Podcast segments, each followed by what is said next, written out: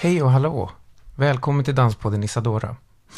Jag heter Niklas Reimertz, poddare och redaktör för den här podden. Den gör jag tillsammans med Anita Emthén som är journalist och dansare och dansjournalist. Och vanligtvis är det ju Anita som sitter här vid rodret. Men den här gången har jag tagit över. Den här podden är för alla er som tycker om att dansa eller titta på dans eller bara ha lite sprattel i benen. Och idag har jag en fråga till er. Vad är dina eller era starkaste minnen av dans? Och är de minnen fina eller är det minnen som skaver? Är det kanske en föreställning du har sett eller var det vid tillfälle du dansade själv? Ja, som ni kanske förstår, idag ska vi tala om minnen och dansminnen. Vi kör igång med dagens gäst och sen så ses vi på andra sidan. Hej Anita Emthén! Hej! Välkommen till Danspodden Isadora. Gud vad skumt. är det så här det är? Ja, precis. Idag är det myteri. Uh, jag hade tänkt att vi skulle vända upp och ner på Danspodden. Uh, för idag är det nämligen jag som ställer frågorna och du som ger svar. Ah. så uh, vi hade tänkt så här, att dagens tema är tre dansminnen för dig. Och jag har ingen aning om vilka dansminnen det är. så det ska bli jättespännande. Är du med? Jag är med. Känns det bra? Det känns bra. Jag tänkte säga att det har inte jag heller. Men nu har jag ju faktiskt det. Eftersom jag har förberett mig lite grann. Ja, det är jättebra. Mm. Eh, jag tycker vi sätter igång på en gång. Eh, dansminne nummer ett. Dansminne nummer ett. Det här är egentligen inget renodlat dansminne där jag har gått och sett en föreställning och blivit så här lamslagen tänkte jag säga, men imponerad och tårögd. Mm. Men det här är, jag har plockat några dansminnen från min tidiga barndom som faktiskt ledde till att jag behövde utveckla mig som dansare. Ja. Jag valde ju faktiskt bort humanistiska linjen på gymnasiet för att jag verkligen, alltså den ville jag verkligen gå. Jag var helt bespetsad på att jag skulle liksom läsa språk, för det var en av mina riktiga styrkor. Ja. Och jag ville ut i världen och resa och jobba och kunna hitta nycklarna för att komma in i andra kulturer och gå den här språkvägen. Liksom. Och min lärare Kurt Lundqvist, jag måste faktiskt säga det, för jag tycker det var så himla fint. Han var min eh, språklärare. Han peppade mig jättemycket, så jag var verkligen beredd på att satsa på det. Men dansen i mig var så stark så den tog över helt. När de öppnade den här danslinjen eller estetiska programmet i Luleå så bara var det så självklart att jag skulle ta mig de här 30 milen hemifrån och flytta hemifrån när jag var 15. Så du var hur gammal när de öppnade danslinjen? Eh, fe- 15. 15. Så det var strax innan du skulle välja. Jag hade valt humanistiska Okej, föreningen. ja. Eller humanistiska föreningen, vad säger jag? Jag hade valt... Freudianskt, freudiansk felsägning. Nej, men jag hade valt eh, humanistiska linjen. Okej, och så Eller öppnade de danslinjen. Ja, det kom Mm. en sån här, en vecka innan det liksom var klart. Jag hade kommit in och allting. Mm, Så kom det här som, eh, alltså så fick jag veta att de hade öppnat den. Och Mm. eh, då gick jag till syokonsulenten som det hette då, Kenneth Mm. hette han. Och så satte jag mig hos honom och sa att jag måste nog gå den här, men det känns galet att göra det. För att, jag menar, är det någonting som man kan göra? Kan man verkligen, kan man dansa? Ja. Och då så sa han att eh, han tyckte att jag skulle göra som jag kände var bäst. Mm. Det hjärtat sa. Typ. Typ så ja. Mm. Och det, det, det sjuka var ju att det var ju åt bägge håll. Mm. Alltså jag ville verkligen båda delarna. Men dansen, den tog över. Ja. Alltså det var så kraftfullt. Så att Mm. efter det när jag hade bestämt mig så var det liksom ingen tvekan. Jag ångrade mig inte och jag ångrar mig inte idag heller. Men det finns ju där. Mm. Alltså att undra hur det hade sett ut om jag gick den Men när det här eh, skedde, hade du någon relation till dans då? Eller kom det som en blixt från en klar himmel?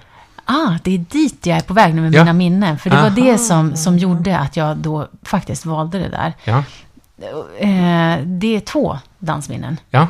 Dels eh, så var det första en ballettlärarinna från Finland som kom till vår klass. Jag är ju född och uppvuxen i liksom, norra Sverige, Ja. med nära gränsen till Finland. Ja. Men jag tror att vi gick i tvåan. Eh, och det var ganska tydligt att hon hade ett uppdrag, att hon var där för att hitta någon att träna upp. Säg Ja. om vi gick i tvåan så var vi kring åtta.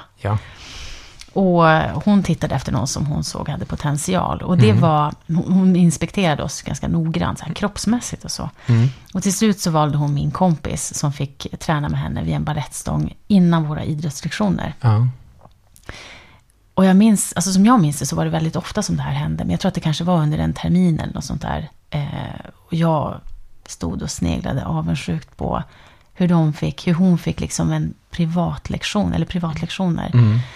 I det här. Det var, jag var väldigt fascinerad för att det var otroligt vackert. Jag hade ju aldrig sett ballett tidigare. Och nu Mm. fick jag se det så här på nära håll också. Mm. Hur, de, hur man använde kroppen. Det var så små rörelser och samtidigt väldigt kraftfullt. För Ja. det var ju väldigt styrketräning Mm. som man såg.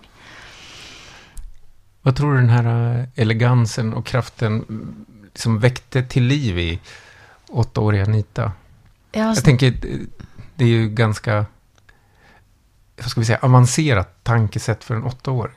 Ja, alltså för mig så var det otroligt smärtsamt också. För Ja. jag förstod någonstans där att jag var ju lite så här mullig. Och min Mm. kompis var slank och hade rätt långa ben. Alltså hur långa ben man nu kan ha Ja. när man är åtta. Men liksom hon hade, som jag ser det nu idag, väldigt bra kropp Ja. eh, för att eh, dansa ballett. Mhm. Så det, det var ju jobbigt. Jag, det gick upp för mig. Alltså jag förstod då att kroppen, hur den såg ut och hur den var byggd, att det spelade roll. ja, just det. Sen kanske jag inte ut, alltså jag kanske inte formulerade det, men, men där någonstans så satte det sig. Varför jag inte till exempel blev vald. Mm. Eh, jag fick också, jag förstod att det var saker som man kunde göra någonting åt, men att man fick acceptera vissa saker också. Ja, just det. Eh, jag tror att de tränade i någon termin innan det tog slut. Och min kompis, hon var inte ett dugg intresserad av dans och ballett. Hon Mhm. ville åka skidor. Ja. Och det fortsatte hon att göra länge efter det också. Men eh, för mig däremot så hade det öppnats väldigt många dörrar. Så då från åtta års ålder så fanns det en dröm i dig om dans? Eller om ballett då kanske? Ja, Ja. och det hade nog funnits där. Alltså, innan, du vet, innan jag kunde formulera det. Jag hade Ja. kanske sett någonting på tv. Jag, jag brukade klä ut mig i min mammas underkläder. För de var ju ganska lika kanske. Ja, just det. Ehm, bar du med dig det sen? En önskan om dans vidare från åtta års ålder? Eller var det någonting som väcktes till liv och sen somnade in och väcktes till liv senare igen? Eller? Ja, men eh, ungefär när jag var 12, jag Mm. tror, eller det var när jag var 12, Ja. då var det samma klasskompis syster, eh, som var några år äldre än vad vi var. Ja. Hon hade tagit eh, jazzlektioner och andra danslektioner på Balettakademin i Stockholm. Mm. Och kom upp hem igen, Ja. full av liksom kunskap. Och höll klasser för oss. Mm. Då var jag 12. Ja. Och där och då så blev det som att gå till kyrkan. Alltså att gå på hennes lektioner, det var helt magiskt. Mm. Alltså jag kunde inte få nog av att liksom lära mig koreografi och steg. Mm. Och där, eftersom jag, jag gick och tog hennes klasser Mm. under bara några, säg några terminer.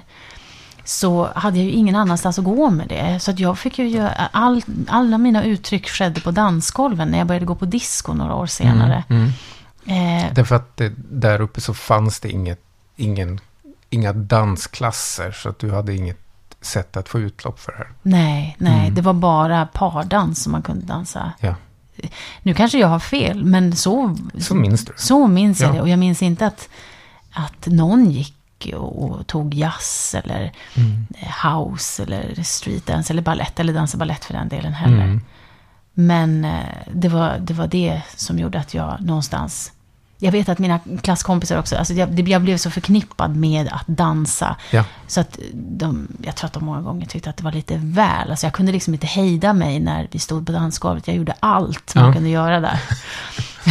Som om jag sa, okej, men Anita kör. Och sen så bara körde jag och Mm. eh, glömde bort att någon annan fanns där. Så någonstans där eh, mellan 12 och 15 Mm. så blev dansen en del av, av din identitet också. Väldigt mycket. Mm. Väldigt mycket. Mm. Okej, så nu har vi mött åttaåringen Mm. som inte blir utvald. Mm. Eh, ganska smärtsamt minne. Mm.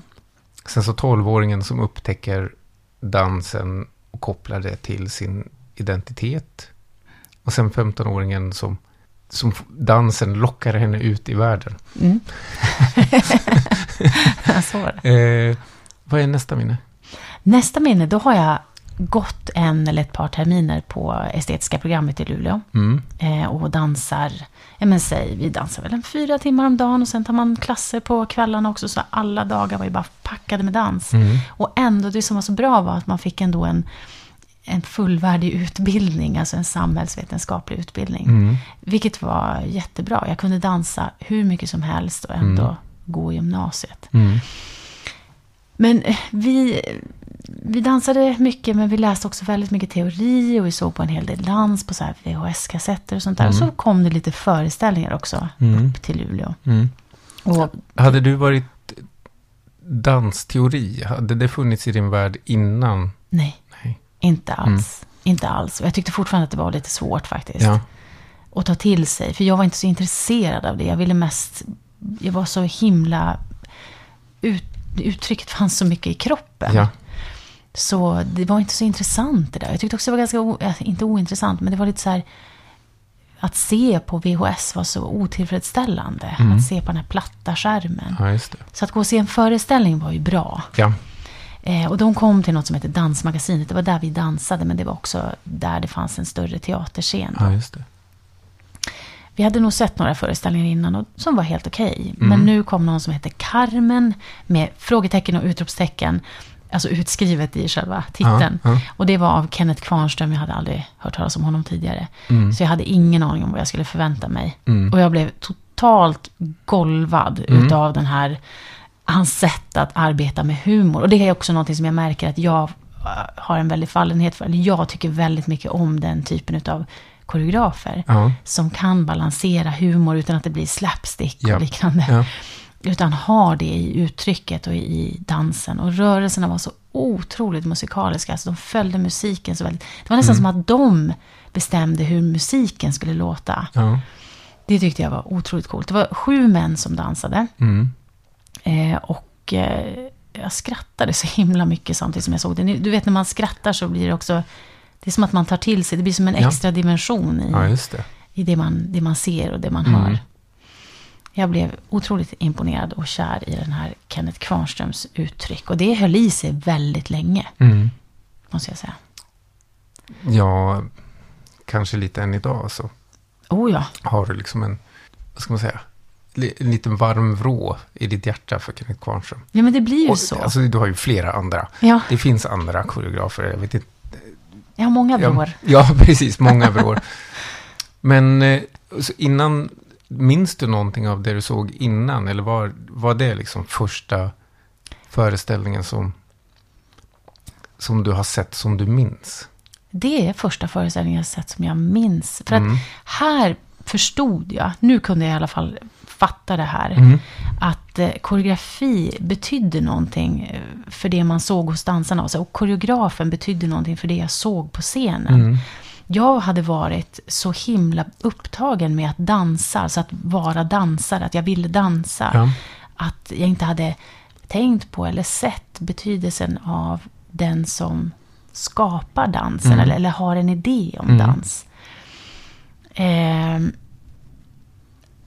ja, alltså han, eller här fick jag, förstod jag att man som dansare faktiskt kunde uttrycka vad någon annan ville säga. ja, just det. Jag ryser faktiskt fortfarande när jag tänker Ja. på det. För att det blev en sån... För mig blev det väldigt stort. Mm. Var det här, och nu tolkar jag som bara attan här, Mm. men var det här kanske första tillfället då, då du instinktivt fick kontakt med dansteori? Ja, Mm. det var det nog. Mm. Det var verkligen. Men ibland så behöver man, man behöver få det på flera olika sätt Ja. innan man Mm. kan ta till sig det. Eh, Och kanske också se, just det här med att man både ser och, och gör och Mm. hör och, Mm. och känner saker och ting. Alltså att man kan använda fler sinnen för att få till.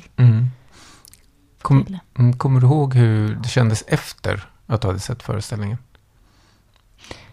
Alltså min känsla var att jag visste inte riktigt vad jag skulle göra med det här. Mm. Det var, så, det var så starkt. Jag ville liksom ta på dansarna. Jag ville, ungefär som när jag går på museer. Ja. Alltså när Mm. jag ser någonting som jag...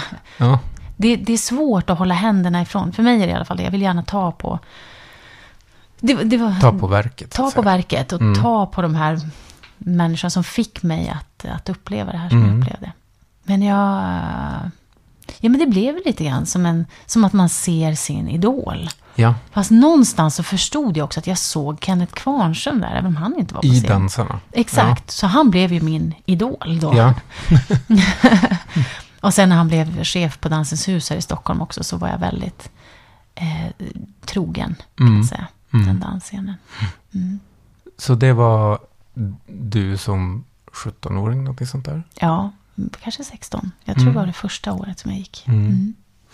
Vad betyder det minnet för dig idag? Mycket. Mm. När, när jag tänker på alltså, dansminnen så är det bland det första som poppar upp. Mm. För att det var sådana avgörande ögonblick i livet. Mm. Det är så att jag nästan kan, jag vet hur jag satt. Och jag tror att det hade regnat ute för jag minns att kläderna var blöta. Mm. Och inte av svett utan av andra skäl. Och också att det var så, att det var bara var vi i min dansklass som såg det här. Mm. Som jag minns det. För jag tror inte att det var en föreställning som vi gick på på kvällen. Mm. Fast det kan ha varit så. Där kan minnet svika mig. Mm. Hur mycket av det här minnet,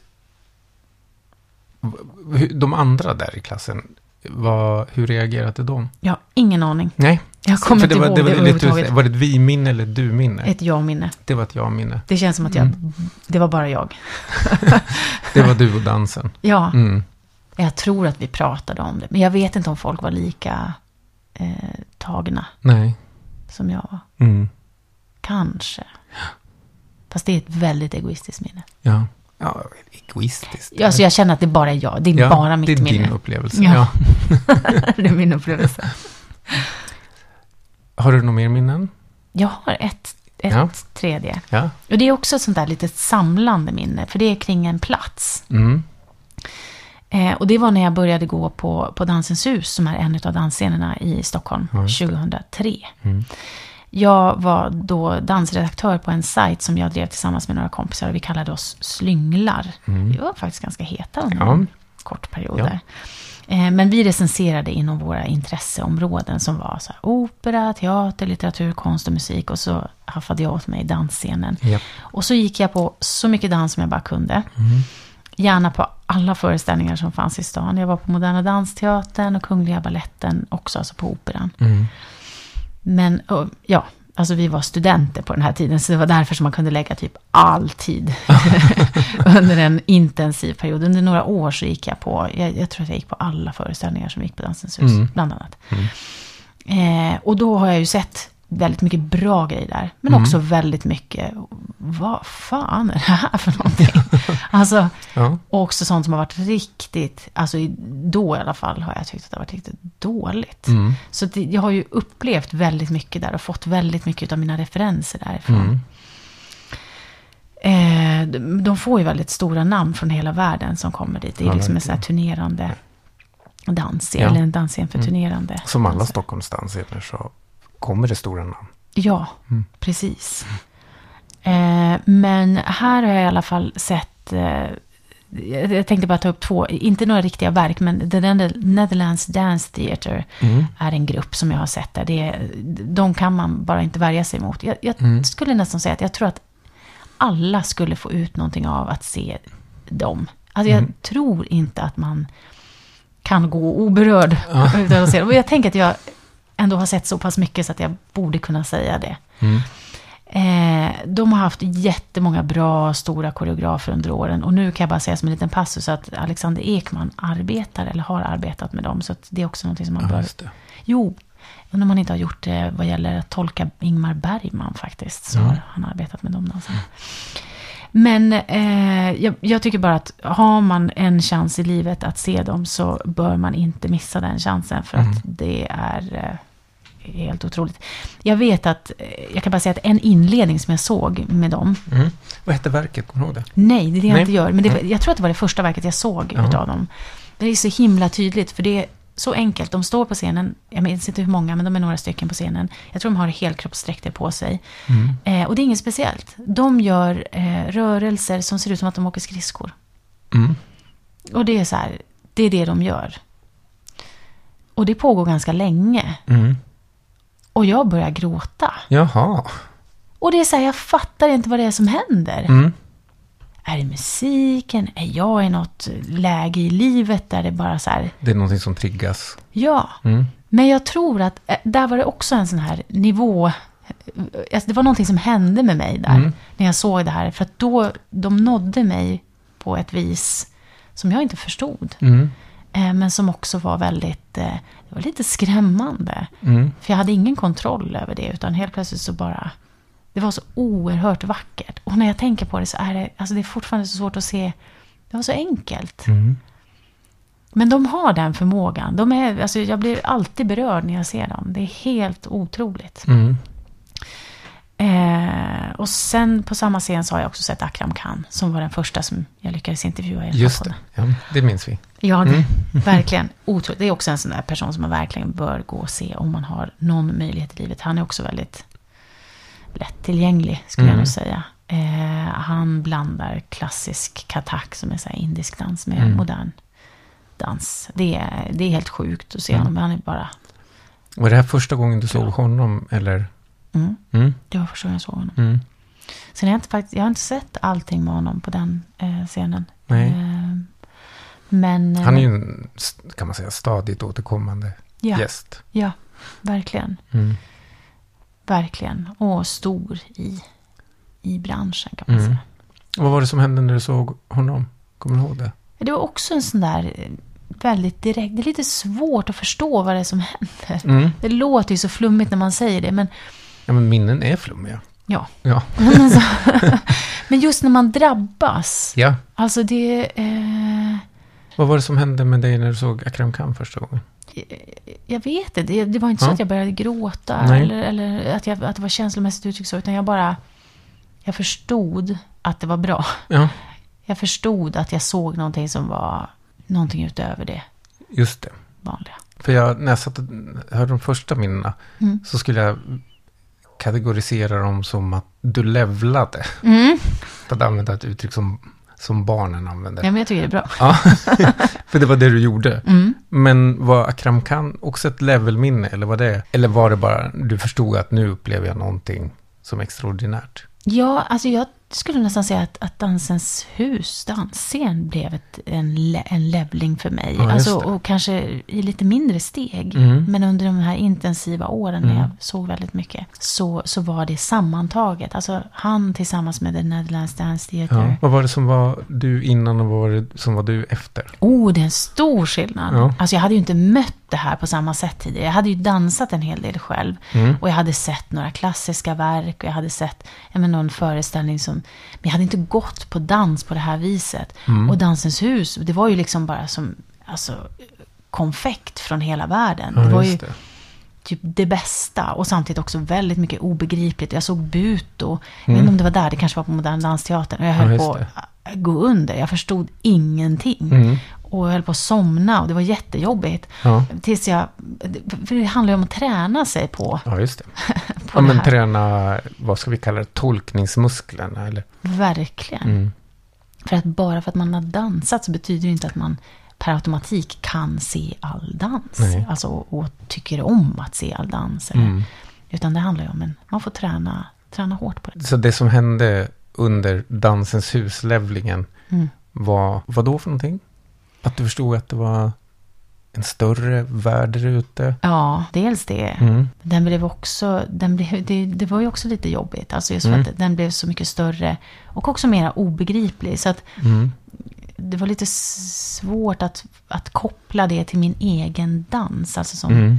i mig. Och rörelser i mig. För det var Mm. ju så långt, det känns väldigt långt ifrån det jag gjorde. Mm. Eh, Jag hade ju inte fortsatt med min dans på det viset. Jag det. utbildade mig vidare sen till journalist och så. Dansen blev ju någonting som jag hade kvar som en slags hobby. Just det.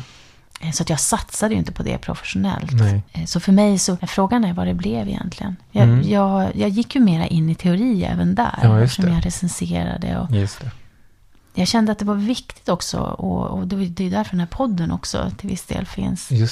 Att prata om eh, dans och prata med dansare och koreografer och så som man ser på de här scenerna. Just det. Mm. Och det är ganska stor skillnad från gymnasie-Anita som inte tyckte man skulle prata om dans. Nej, exakt. Som tyckte att dans skulle dansas. Ja, ja, ja, men det är helt rätt. Mm. Tror du att de här, ja, jag har ju varit inne på det. Och det är ju jag som har sagt Vad- Men för dig, vad tror, tror du att de här minnena har något annat gemensamt? Alltså det jag tror jag har, alltså som fortsätter i mig, Mm. eh, vad, de säger, vad de säger om mig, Ja, det är nog att jag eh, dels dras till eh, att, att levla, tänkte jag säga. Ja. Att, jag vill gärna vidare ja, eh, i utvecklingen, så jag tror inte att det här är någon slags slut nej på utvecklingen. Mm. Utan eh, det, det känns som en pågående process. Så jag, jag skulle nog säga att det det säger om mig är att jag, jag nöjer mig inte med att stanna, stanna vid en, en utveckling. Sen är det inte så att jag väljer det alla gånger. Nej, Utan det händer. Men det är ju för att jag fortsätter att befinna mig i Ja, den just här kontexten Ja. eller i den här miljön. tror du att det går att välja det? Och så tror du att du skulle kunna säga så här, nu ska jag gå och skapa ett minne. Nu ska jag levla och skapa ett minne. Nej. Tror du det skulle vara möjligt? Nej, det tror jag inte. Det tror jag inte. Men däremot så kan man ju så här, trigga sånt genom att till exempel, ja men som i mina fall då, det är ju, alltså att jag skapar sådana minnen är för att jag har befunnit mig också på sådana platser där saker har hänt. Just det. Så man ska befinna sig på många platser för att eventuellt ett minne ska skapas. Mm. Mm. Så om man vill ha bakminnen, alltså att man bakar, så ska man nog baka mycket. För då får man nog säkert något fantastiskt minne helt Ja. plötsligt och levlar. Jag tror det är så med alla minnen. Och sen så majoriteten av tillfällena glömmer man bort. Ja, Troligtvis. precis. Mm. Och sen är det inte säkert att de här minnena är helt korrekta heller, tänker jag. Nej. För Nej, vad mig- tror du om det? Hur, hur stor del av de här, av de här minnena Mm. minns du korrekt? Nej, Eller, och är det ens viktigt? Nej, det kan man ju fråga sig. Ja. Precis. Nej, eftersom de är mina så känns det inte som att det är så viktigt. Då Mm. känner jag att då får jag tweaka lite grann. Men eh, Ja, verkligen. ja, fast jag tror... Nej, jag tror inte att de är så... Alltså jag tror skulle någon annan berätta om ballettläraren i tvåan eller så, så skulle det nog vara något annat. Mm. Inte något helt annat, men det skulle ju vara säkert många detaljer som skiljer sig åt. Mm. Men jag vet inte, nej. Jag känner mig bekväm med de här minnena. Ja, just det. De berättar min historia. Ja. Vi ska strax avsluta, Mm. men jag vill gräva lite till. Mm. De här minnena, när du framkallar dem, är det mentala minnen, är det fysiska minnen? Vad känner du när du plockar fram de här? nästan så här taktila delar. Så att jag, som jag sa, att jag vill ta på det. Jag har ju en väldig önskan om att... Just det. Du vill Jag har ett behov. av att ta på. Ja, Mm. eh, på människor jag tycker om eller på, Mm.